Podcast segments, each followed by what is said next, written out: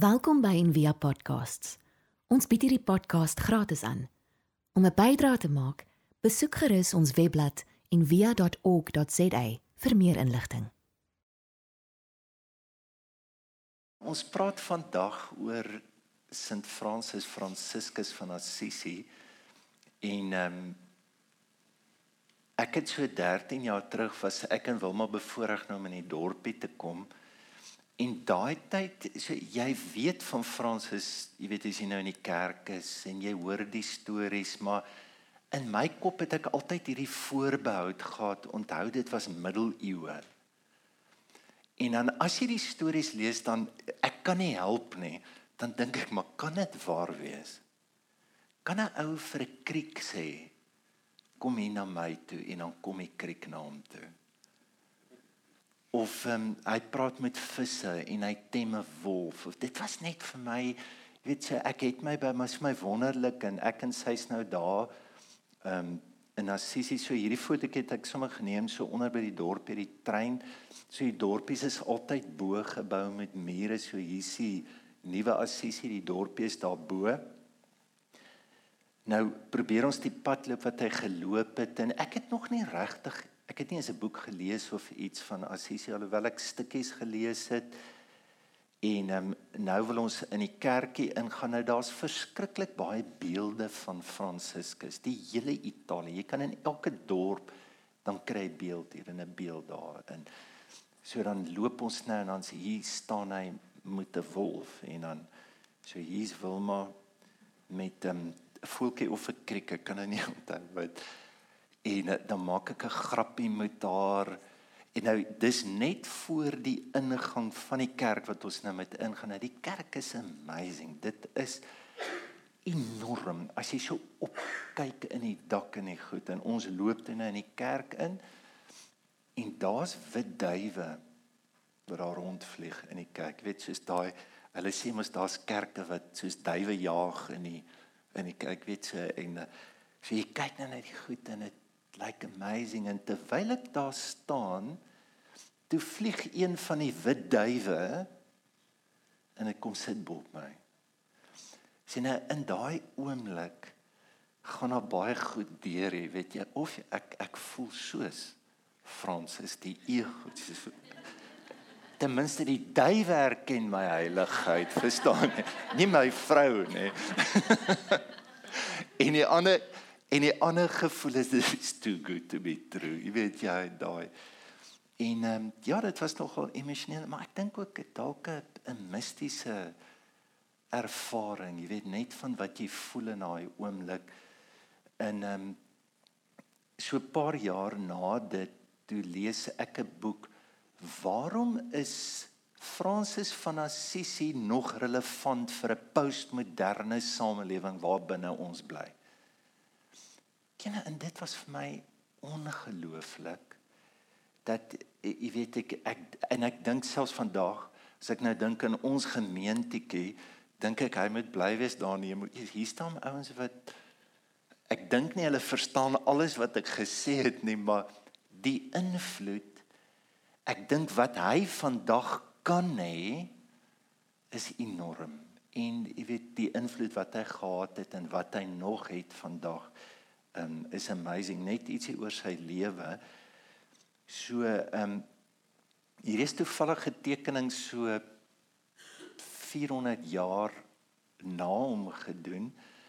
In daai in die 15de eeu rond met die hele koloniale droom is daar eintlik kunstenaars opgelei as hulle nou die wêreld begin beset het om te om dit net reg te doen. En hierdie was 'n ou van Peru wat opgelei is wat toe nou Fransis geteken het, maar jy kan nogal iets in hierdie skildery voel van hoe hulle gekyk het na Fransis, want dit is dis die geboorte van Jesus is daar agter. Jy weet dit sy geboorte word amper vergelyk met um, ja, wat wat dit is 'n absolute geskenk en 'n gawe vir die wêreld. En dan sy pa se naam is Pieter. So hier staan hy nou ek dink nie hy vlerke gehad, nê?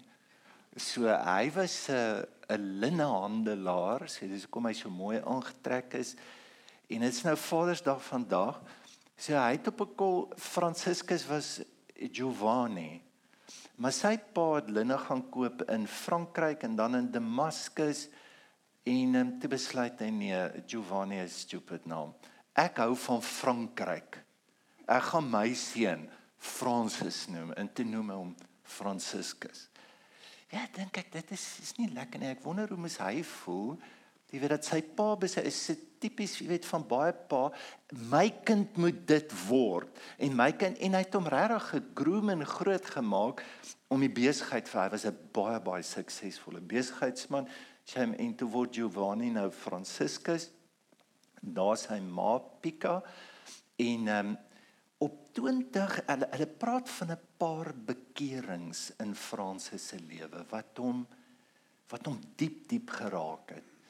En toe hy 20 is, die probleem in in in Ambrie Wale gebly het met die Romeinse oorheersing, daar was baie rebelle groepe.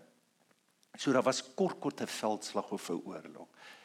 En toe hy 20 is toe gaan en hy hy het verskriklik siek geword maar het baie dinge waargeneem terwyl hy in die oorlog was. Onder andere maar is dit reg dat mense dat veral die aristokrasie in daai tyd as dit jou paas antwoord. vir veral hoe hoekom hoekom word hulle elke keer bevoordeel? En daar's mense wat suffer. Dit was een van die groot waarnemings wat hy gemaak het. En hy het verskriklik siek geword en is maar soos ons. As jy siek is dan bid jy. Verstaan jy? Weet as dinge nie reg gaan, gee maar gebed. Jy weet en daar het iets begin met hom. En hy hy's um, enig op pad um Sint Pieters toe. Ek bedoel die ongelooflike plek. Hy's 'n devout katoliek. En hy kom toe daar en hy kry bedelaars en die kontras van die kerk en hierdie ouens wat bedel is net te groot vir hom. En net daar trek hy al sy klere uit en hy gee dit vir die bedelaar en hy begin te bedel. Sê dit is ek ek staan ek staan by hierdie mense. Toe hy teruggaan Assisi toe daar was melaatses geweet nou in daai tyd is daar geglo dat nommer 1 in die Ou Testament was goeie idee, jy het sonde en die Here straf jou so en dan het hulle ook glo hierdie ding is hoogs aansteeklik, jy bly nie by ons nie, sodat daar was gemeenskappe van melaatses. En hy het die melaatse gekry afgeklim en hom om, omhels in hom soene dit het hulle ook geglo dat jy raak nie aan 'n melaatse nie dan is jy onrein. En Franciscus het besluit maar hy wil by die melaatses bly.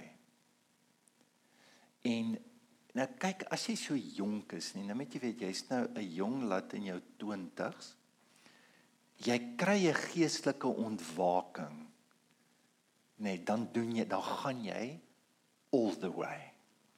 So 'n ander groot insident wat jy weet almal sal sien in in ehm um, uh van weet is dat hy het op 'n kol 2 km buite Assisi is daar 'n dorpie. En daar was 'n kerkie wat verval is. En hy daar gaan sit en kyk na kruis.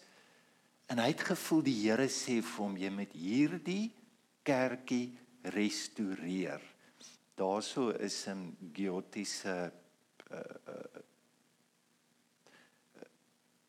voorstelling van um, San Damiano um, die kerkie.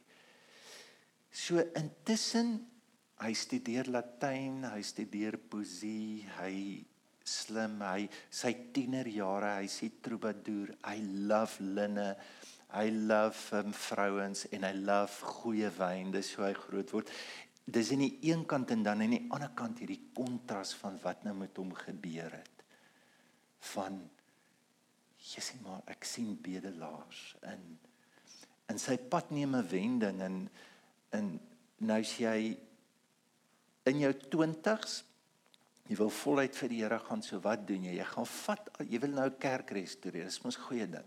Jy vat al jou pa se linne nê, nee, en jy gaan verkoop dit en sy perd vir die Here sonder sy toestemming. en hy gaan toe nou na die kerkie toe in San Damiano en hy vat dit vir die biskop, jy weet, en hy sê hier's geld vir die Here en die biskop sê vir hom nee, bro, jy kan nie. Dis nie reg wat jy doen nie. En dit was ook 'n groot oomblik in sy lewe, maar 'n bewuswording van hoe belangrik geld is. En hy toe 'n lang tyd sy pa was woedend geweest, so sy pa het nie vlekkies gehad. Sy pa het hom toegesluit en opgesluit, ingeslaan. Sy ma het vir hom sy ma se beskerming van die Fransiskaanse orde vandag het hom later gaan vrylaat en en hom uitgemaak. En hy sy pa het ook 'n amptelike klag gemaak. Nou in daai tyd jy gaan maar kerk toe. Gewone hof is nie so lekker nie. Jy kom reg by die kerk. So hy's gedag verby die kerkie wat hy gerestoreer het en hy moes toe verskyn en die hele dorp kom ook uit en dan is daar 'n verhoor.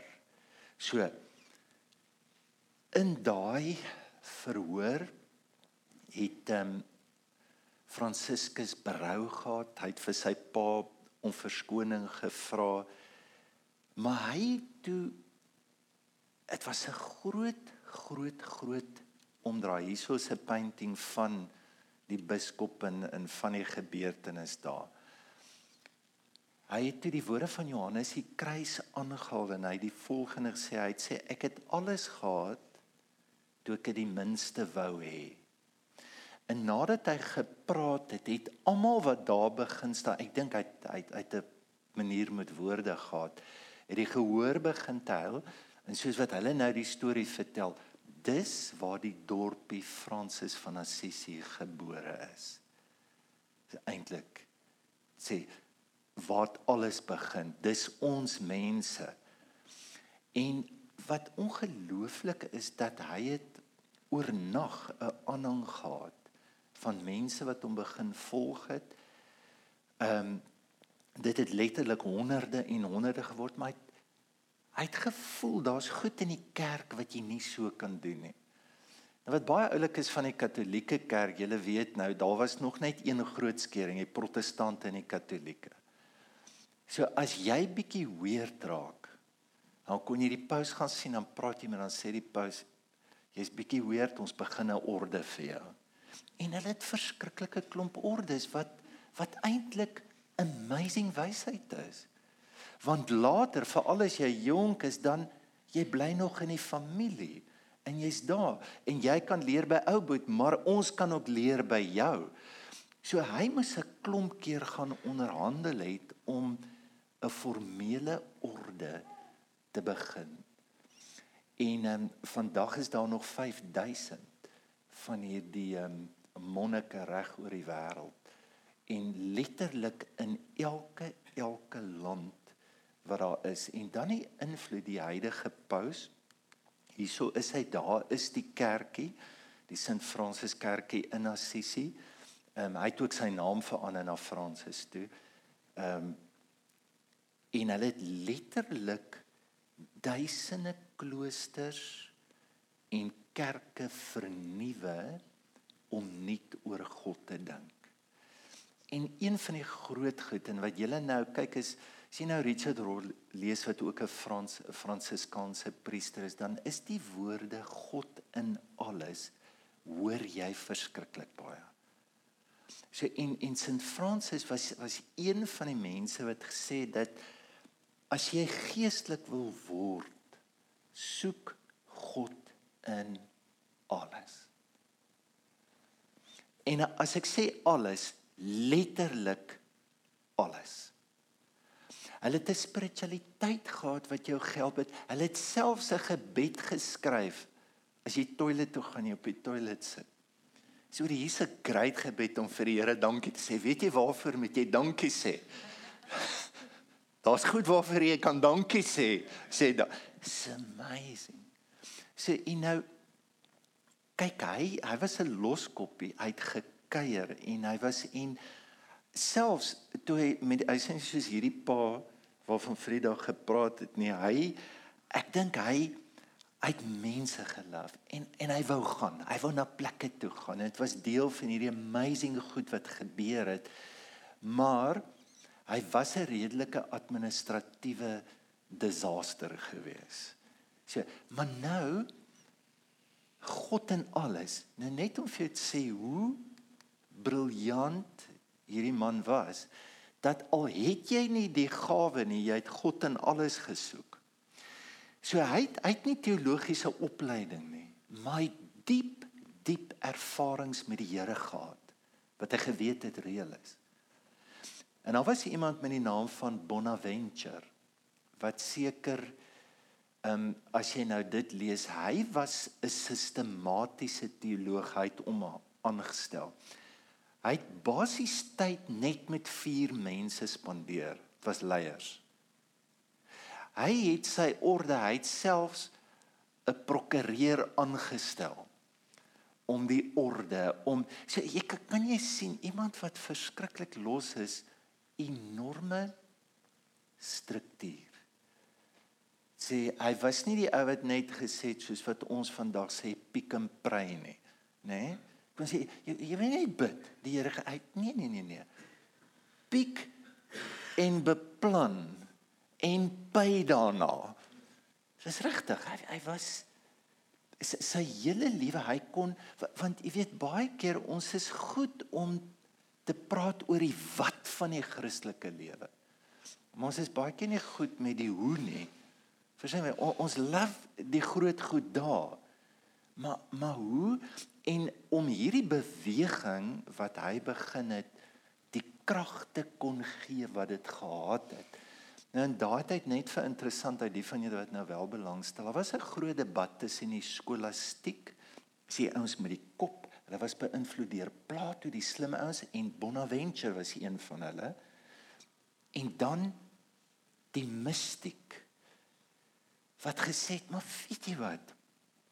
God is so groot dat al praat jy oor hom, jy gaan dit nie reg sien hy is te groot en dat jou ervaring met God is baie baie belangriker as jou idees oor God.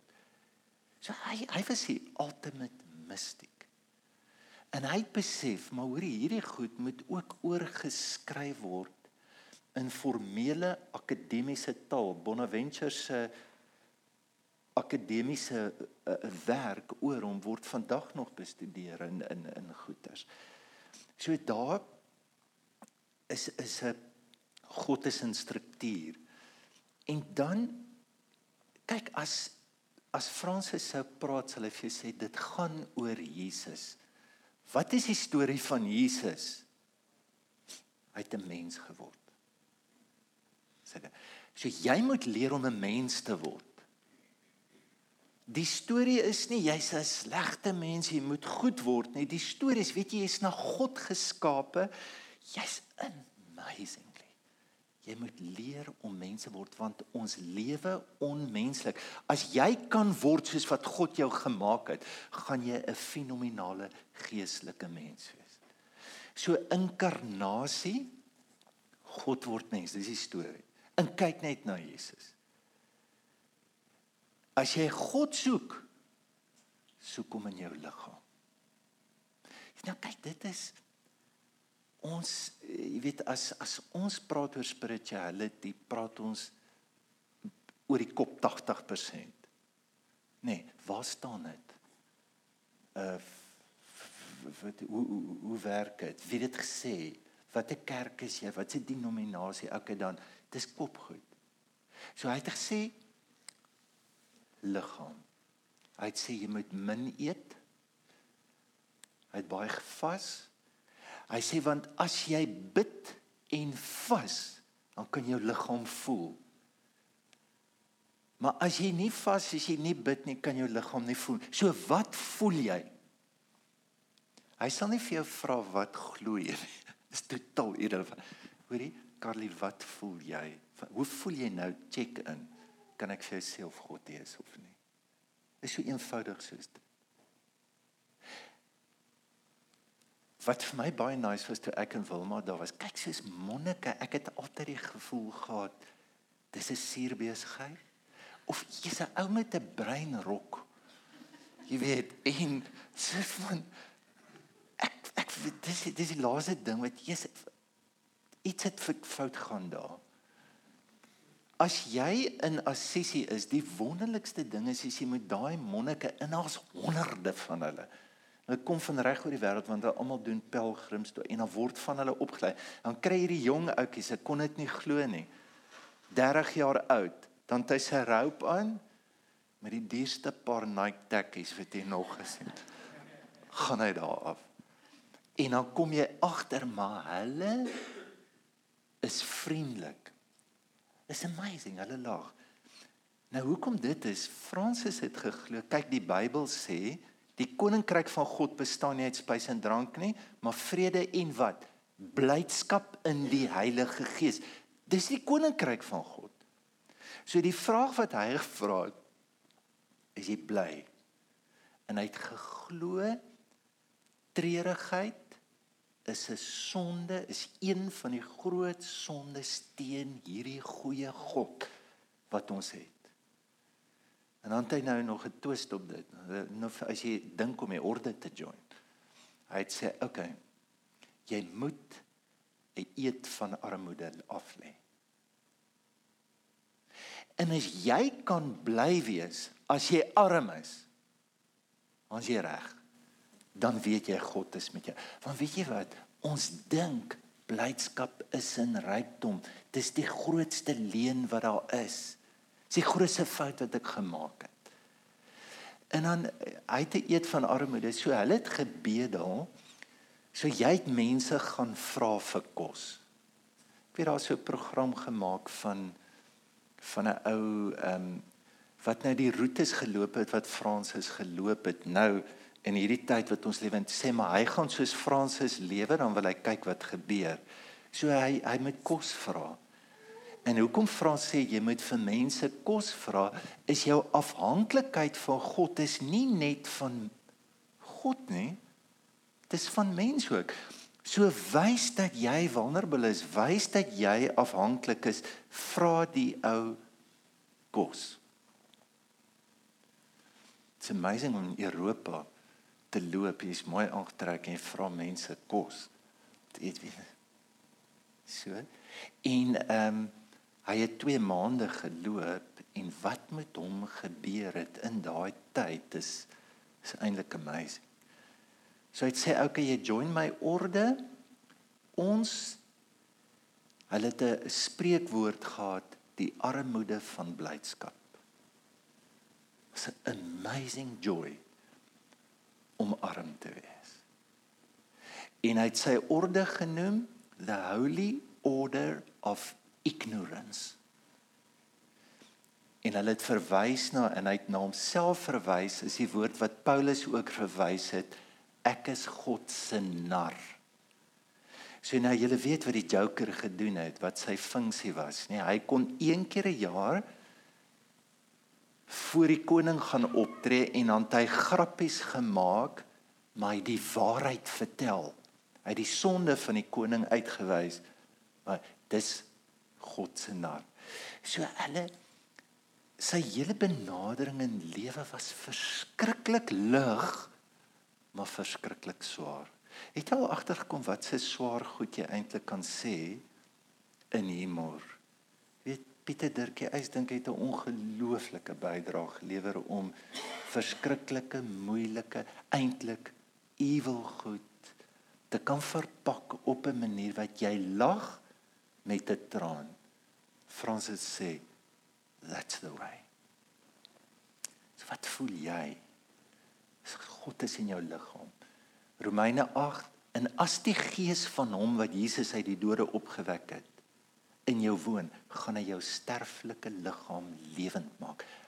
Lewe jy? Lewe jy? Ek praat nie van jou asem. Dis wat hy gesê. Dan ek wil nou nie baie sê oor die skepping nie.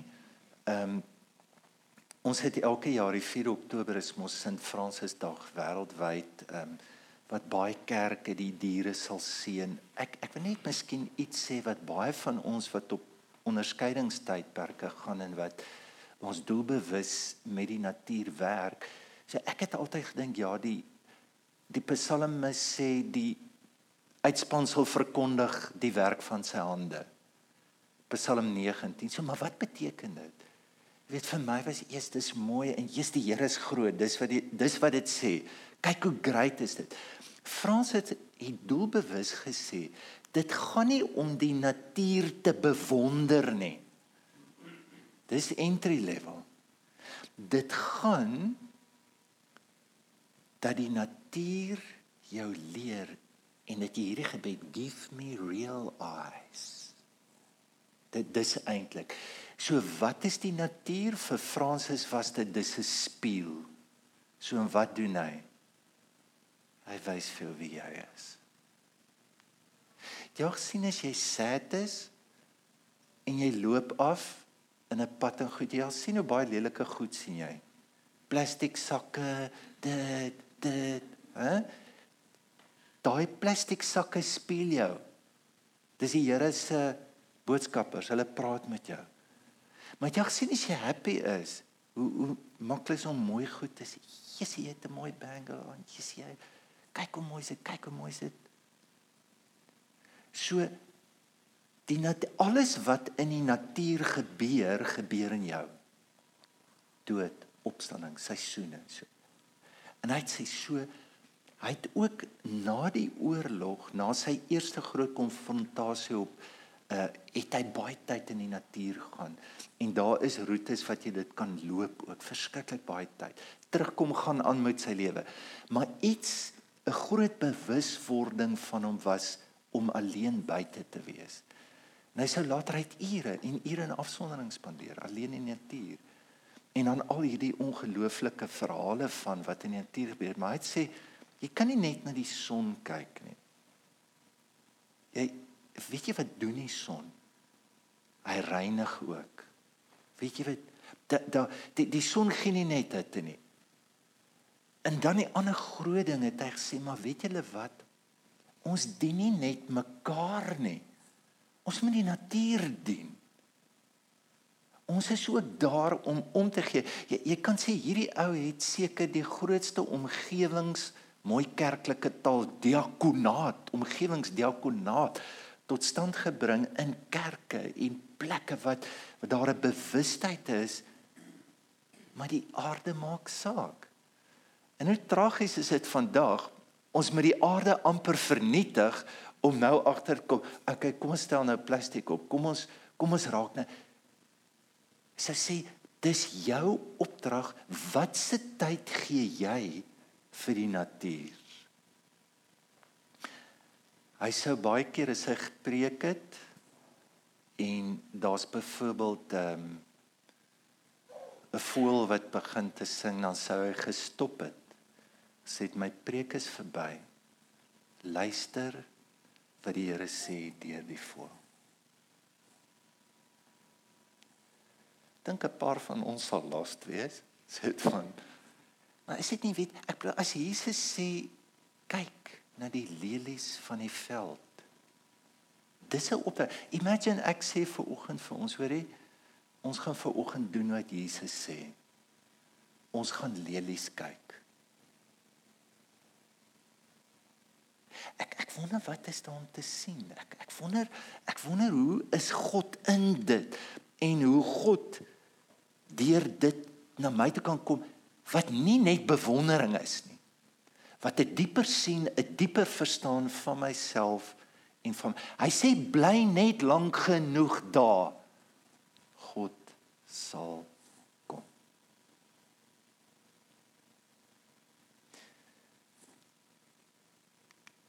dan ek sluit af ja net vinnig Frida gaan baie bly wees hieroor. Maar hy het op 16 'n vrou met die naam van Clara in sy orde opgeneem. So hier's 'n ou wat die patriargale stelsel heeltemal gerip het en daar's wonderlike stories oor hulle. Dan net die laaste ding wat ek wil noem. Jy weet as jy nou dink dis 'n ou wat net bid in in die natuur sit, daar het 'n paar goed gebeur wat baie groot was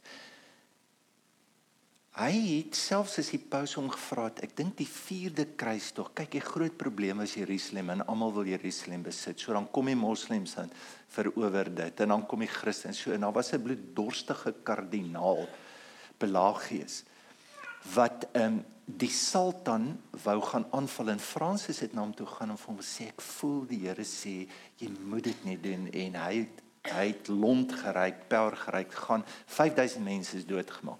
Frans sê nou gaan ek na die sultan toe en hulle sê jy gaan nie. So die storie is amazing. Jy, jy kan sien daar's boeke geskryf wat wat mense reken dis een van die beste modelle van bemiddeling en vrede wat daar is.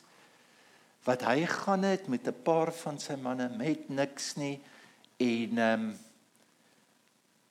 toe hy daar kom toe vat die sultan hulle het baie mense doodgemaak en hulle die Christene se kruis gevat toe gooi hulle die kruise daar voor die sultan toe hom kan sien en toe sê die sultan vir hom okay loop nou na my toe sit toets wat hy want hy het glo Fransis sal nou op baie goed loop nê en toe loop hy oor die kruise na hom toe en is interessant die ou was 'n Sufi mystiek hy was Toe vra hy vir Fransis om te bly by hom en Fransis sê nee. Toe wil hy Fransis geld gee. Toe sê Fransis nee, maar iets het gebeur in daai gesprekke en daai bemiddeling. En wat amazing is, 10 jaar later toe onttrek toe beset die die die Islam het het, het Jerusalem ehm um, gehad. Toe onttrek hy en hierdie einste Al-Kamil gee Jerusalem terug aan Frederik II. Hy sê sonder bloed, sonder enige ding. Ehm um, Ja. As ek nou dink die skrifgedeelte wat ons gelees het, ehm um, net Paulus wat afsluit so die die bottom line is hierse gemeente nou begin hulle te beklei. En nou sê hoorie maar volg jy Paulus? Jy's hier met Apollos hoor. Hy het 'n nuwe band op hierdie teaching. Hy's in my Jy het al gehoor van Sefas. Dis bekleierery goeders, nê. En dan kom Paulus in die einde en sê hoor hierso, hoor net hierdie woorde, alles behoort aan julle. Die Engels everything belongs. Of dit nou Sefas is of dit nou Paulus is of dit die dood is of dit die teenwoordige lewe of wat kan jy hoor wat se ongelooflike uitnodiging lê in dit.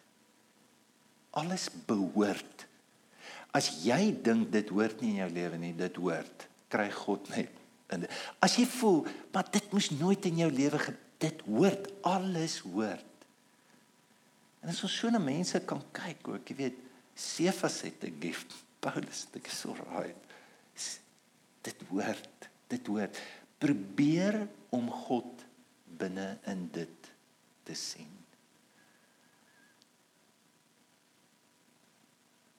Kom ons bid saam. Here baie dankie vir ja die ongelooflike voorreg wat ons het om ook by mense te kan leer wat vir u gevolg het en Dankie ook vir iemand soos Fransis met die roekelose eerlike geloof wat besiel. En Here help ons ook om die lewe te te vat soos wat U verlang ons moet dit doen dat alles alles in ons lewe hoort die feit dat ons nou hier moet wees die feit dat dit gebeur het wat gebeur het in ons lewe, die voorregte en ook dit wat ons nie voorregte noem nie. Dankie dat dit maniere is hoe U na ons lewe toe kan kom. En ek bid dat ons dit duidelik sal sien, Here. Inspireer ons om te lewe met God in alles. Dankie vir 'n liggaam wat so slim is, wat wat so diep kennis het waarin U woon, wat wat ver meer weet as wat ons koppe weet. Help ons om te anker in u opstandingskrag in ons liggame. Here help ons om ja ook met strukture natuur te lewe en U te vertrou vir die wysheid ook van die alledaagse goed wat baie keer nie lekker is nie om te beplan, om te kan droom. Help ons om hierdie natuur, Here, te omhels, te omarm en net lank genoeg daar te kan bly om om U te kan hoor. Ek dank U daarvoor in Jesus naam. Amen. Ons hoop van harte jy het hierdie podcast geniet of raadsaam gevind. Besoek gerus en via.ok.za vir meer inligting.